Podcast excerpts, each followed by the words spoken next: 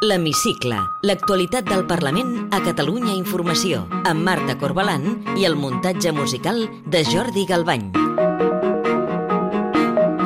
La mesa del Parlament desafia el Tribunal Constitucional i permet que el diputat de Junts per Catalunya a l'exili, Lluís Puig, continuï delegant el vot a les sessions plenàries.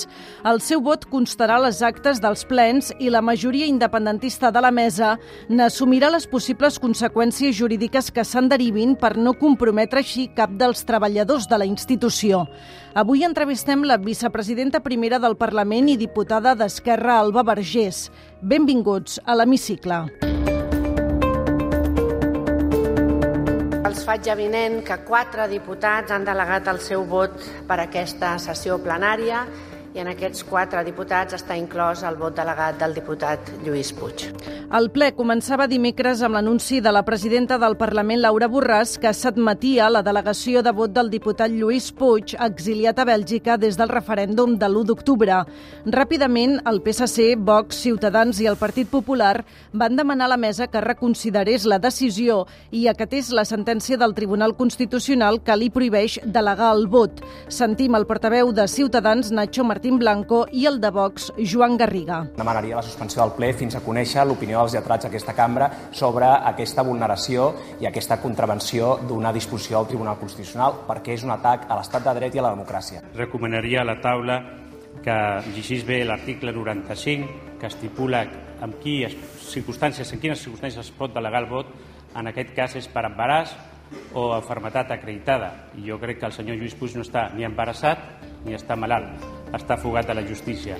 Els diputats de Junts, Esquerra i la CUP, que formen part de la mesa, no han fet però marxa enrere i s'han compromès a assumir totes les conseqüències penals que pugui comportar que el vot de Lluís Puig consti a les actes de les sessions plenàries. Com en les anteriors legislatures, el màxim òrgan de govern de la cambra torna a situar-se, doncs, en el punt de mira dels tribunals i s'exposa a noves querelles per delictes com desobediència, prevaricació i usurpació de funcions. La dreta no es quedarà de braços plegats i ja es prepara per recórrer a la justícia.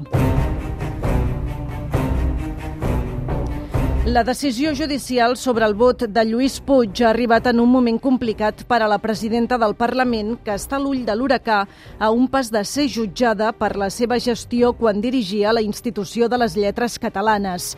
En una compareixença institucional des del seu despatx d'audiències, Laura Borràs ha deixat molt clar que no pensa dimitir, tot i la pressió dels últims dies de tots els partits menys el seu perquè faci un pas al costat. No tinc cap intenció de fer un pas al costat, el pas al costat que em reclamen i m'exigeixen amb poca capacitat per dissimular els qui ras i curt em volen apartar de la vida política. La primera i principal de les raons és que sóc innocent, el seu cas també va irrompre a la sessió de control al president de la Generalitat, de la mà del líder del Partit Popular de Catalunya, Alejandro Fernández. Me dirijo a la señora Borràs para decirle que creo sinceramente que usted podría defender mejor su presunción de inocencia dimitiendo como presidenta del Parlament de Catalunya. El president Pere Aragonès es va veure obligat a pronunciar-se sobre un debat que és ben espinós perquè pot tensar les relacions entre Esquerra i Junts. Aragonès s'ha mostrat confiat que tothom estarà a l'alçada per preservar el prestigi del Parlament. Estic convençut que per garantir el bon servei de la institució, per la defensa de les institucions i pel prestigi de les institucions, en el moment oportú en què s'hagi de prendre una decisió, cadascun dels que som aquí, de forma individual i de forma col·lectiva, prendrem la millor decisió que permeti preservar el servei públic que prestem als ciutadans de Catalunya. Tot i que el cas Borràs pot derivar en un xoc frontal entre els socis de govern, el cap de files de Junts per Catalunya, Albert Batet, va preferir obviar-ho i aprofitar la sessió de control per celebrar la decisió de la justícia sobre el català a l'escola, que admet la impossibilitat d'aplicar la sentència del 25% del castellà. El temps ens ha donat la raó i ho celebrem, perquè és una victòria de país. Per això avui també és un bon dia per reivindicar la política, la sobirania d'aquest Parlament i la democràcia. A la sessió de control també es va constatar que el govern cada cop té menys aliats parlamentaris. Els comuns, la CUP i el PSC han marcat distàncies. Els dos primers grups han retret a Pere Aragonès la gestió de la Covid i l'han acusat de desmantellar els serveis públics. Sentim la líder dels comuns, Jessica Albiach, i la copaire Dolors Sabater. En aquest escenari li sembla normal que l'única cosa que està fent ara mateix aquest govern és recomanar a la gent que no vagi al CAP. Mentrestant, no s'estan ampliant recursos i estem en la mateixa cobertura sanitària que a l'estiu del 2010 o quan hi havia retallades i quan no hi havia Covid. Retallar serveis sanitaris i residencials directament mata. Ho vam veure en els pitjors moments de la crisi de la pandèmia i ho, ho seguim veient per culpa d'aquest desmantellament que practica el seu govern. El cap de l'oposició, el socialista Salvador Illa, va carregar també contra la gestió que està fent el govern dels fons europeus, denunciant un baix nivell d'execució. M'ha decepcionat perquè sempre és el mateix. Sempre és el mateix. Escolti'm, jo he dit que hi ha un 12,6% d'execució d'uns fons. I li estic demanant i m'ofereixo ajudar-lo, que hi ha un recorregut de millora. En aquest escenari, amb els grups de l'oposició distanciant-se del govern, el conseller d'Economia Jaume Giró ha començat aquesta setmana reunions amb tots els partits, menys Vox, per buscar aliats per aprovar els pressupostos del 2023. Veurem si algun li allarga la mà. Té la paraula Hola, sóc l'Alba Vergés Bosch, vicepresidenta primera del Parlament de Catalunya i diputada per Esquerra Republicana de Catalunya. La majoria independentista de la mesa ha permès aquesta setmana que el diputat de Junts per Catalunya, Lluís Puig, continuï delegant el vot, tot i que el Tribunal Constitucional li ha anul·lat. Vostè, com a vicepresidenta primera del Parlament, té por que aquesta decisió li comporti conseqüències eh, jurídiques i pugui acabar sent, per exemple, inhabilitada?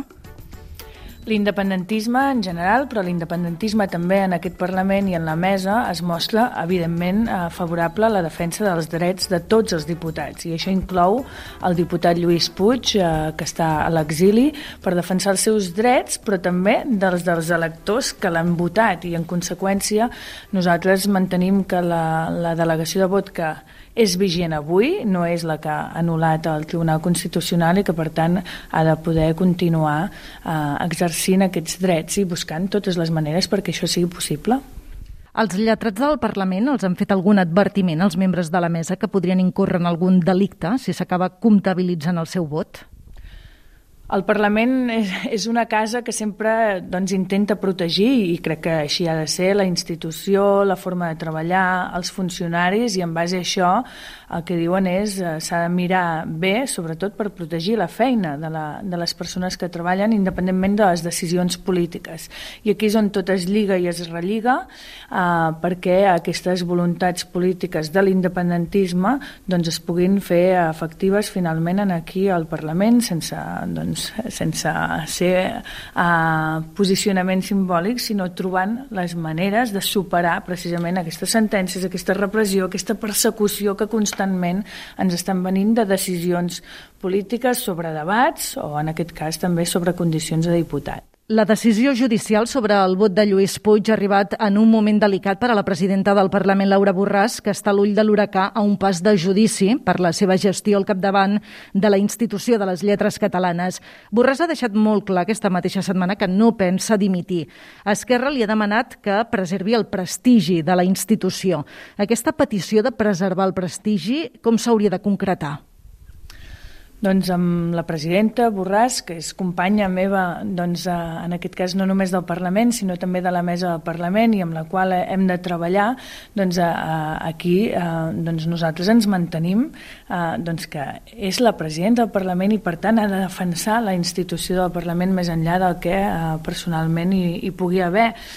I, evidentment, separant no? de, de tot el tipus de, de causes eh, que hi ha. Ara parlàvem de Lluís Puig, eh, vam viure també el cas de Pau Jubillà en una persecució doncs, de, de post de l'1 d'octubre i per tant per nosaltres és prioritari doncs que tot continuï funcionant, que el prestigi del Parlament no es vegi alterat per les causes eh, judicials. Això es traduiria en l'opció que ella s'apartés temporalment de la presidència del Parlament fins que sigui jutjada? No, no, és a dir, de fet nosaltres el que diem és això, que hem d'actuar tots en, a, en aquest marc i tots a, eh, en, aquesta, en aquesta posició. Sabem, a, eh, a més a més, que per ser qui és doncs, hi ha una persecució a, eh, posterior que, que és evident i que és evident i que per tant nosaltres recolzem personalment doncs, a, tot el que puguin patir, però també demanem doncs, que, es pre, que, que es preservi aquesta casa, que es preservi el Parlament de Catalunya, que és on rau la sobirania de tot el poble. I com es conjuguen aquestes dues idees de defensar eh, la presidenta del Parlament però al mateix temps que preservi la imatge i el prestigi del Parlament? Doncs hem de veure el que ens trobem i per això nosaltres demanem doncs, que ella pugui explicar de quina manera abordarà doncs, la seva causa doncs, tenint en compte això, tenint en compte que és la presidenta del Parlament. En la compareixença que va fer aquesta setmana, la presidenta Borràs va acusar la resta de partits, inclòs Esquerra, d'aprofitar-se del cas per apartar-la o voler-la apartar com a adversària política. Com ho valora aquestes paraules? No puc entrar a valorar aquestes paraules que mm, evidentment no, no és així, no puc compartir i aquí tot el moviment independentista crec que ha de preservar les nostres institucions, les, les tenim amenaçades constantment per part de l'estat espanyol i en aquí hem de fer front comú per defensar-les. Hi ha molts dubtes encara sobre si s'acabarà aplicant l'article del reglament al famós 25.4 que preveu suspendre un diputat quan se li obre judici per corrupció. Qui acabarà decidint si s'aplica o no aquest article? Doncs en aquest cas eh, sempre mm, el reglament del Parlament de Catalunya doncs és el que tenim sobre la taula, eh, disposa la mesa, també el ple del Parlament a decidir, de decidir els acords, però en primera instància també és quina és la voluntat, en aquest cas, de, de la presidenta del Parlament i veure què ens trobem quan hi hagi això. No estem en la fase de que s'hagi obert cap judici, per tant ja veurem el que ens trobem. El que acabi fent Esquerra, en aquest cas, en el cas de la presidenta del Parlament, podria afectar d'alguna manera l'estabilitat del govern? No hauria precisament de, doncs, eh, perquè el govern és un govern de coalició, eh, això té les seves avantatges, té les seves dificultats, està sustentat en una majoria parlamentària aquí, per tant eh, creiem que en el país necessitem que les institucions funcionin i en la mateixa línia ho defensem pel Parlament, també ho defensem pel govern de la Generalitat. Ens endinsem ara ja en el terreny més personal i li demano si pot contestar amb respostes el més curtes possible. Per què va decidir dedicar-se a la política? doncs és una decisió molt fàcil, perquè és una decisió d'implicació amb, amb Igualada i amb, amb la meva ciutat i aquí, i aquí inicio la meva implicació a la política, la meva implicació a Esquerra Republicana i aquí és on comença tot. Parlant de la seva ciutat d'Igualada, justament vostè serà la candidata d'Esquerra a l'alcaldia d'Igualada. Què li ve més de gust, fer política municipal o seguir fent política des del Parlament? Home, doncs ara és evident que he fet aquest pas a, a sent candidat a, a l'alcaldia d'Esquerra de, a Igualada i per tant doncs, em ve molt de gust fer aquesta política municipal que és una mica el retorn a aquells inicis amb l'oportunitat de ser la primera alcaldessa d'Igualada eh, i, amb, i amb molt suport de, de tot un equip de gent que hi està treballant des de fa molt temps a Igualada i que per tant m'hi sento molt còmoda de poder tornar a fer aquesta política municipal. Quin ha estat el moment més dur de la seva carrera política?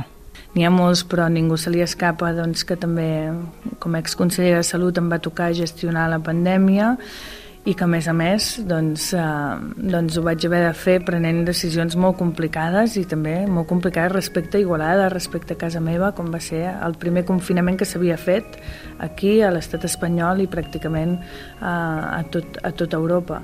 Amb quin diputat o diputada que no sigui del seu grup compartiria una sobretaula distesa? Podrien ser des de la Mònica Sales de Junts fins a la Gés González de, dels Comuns. Sí, penso que seria una taula així interessant. Té algun paisatge favorit?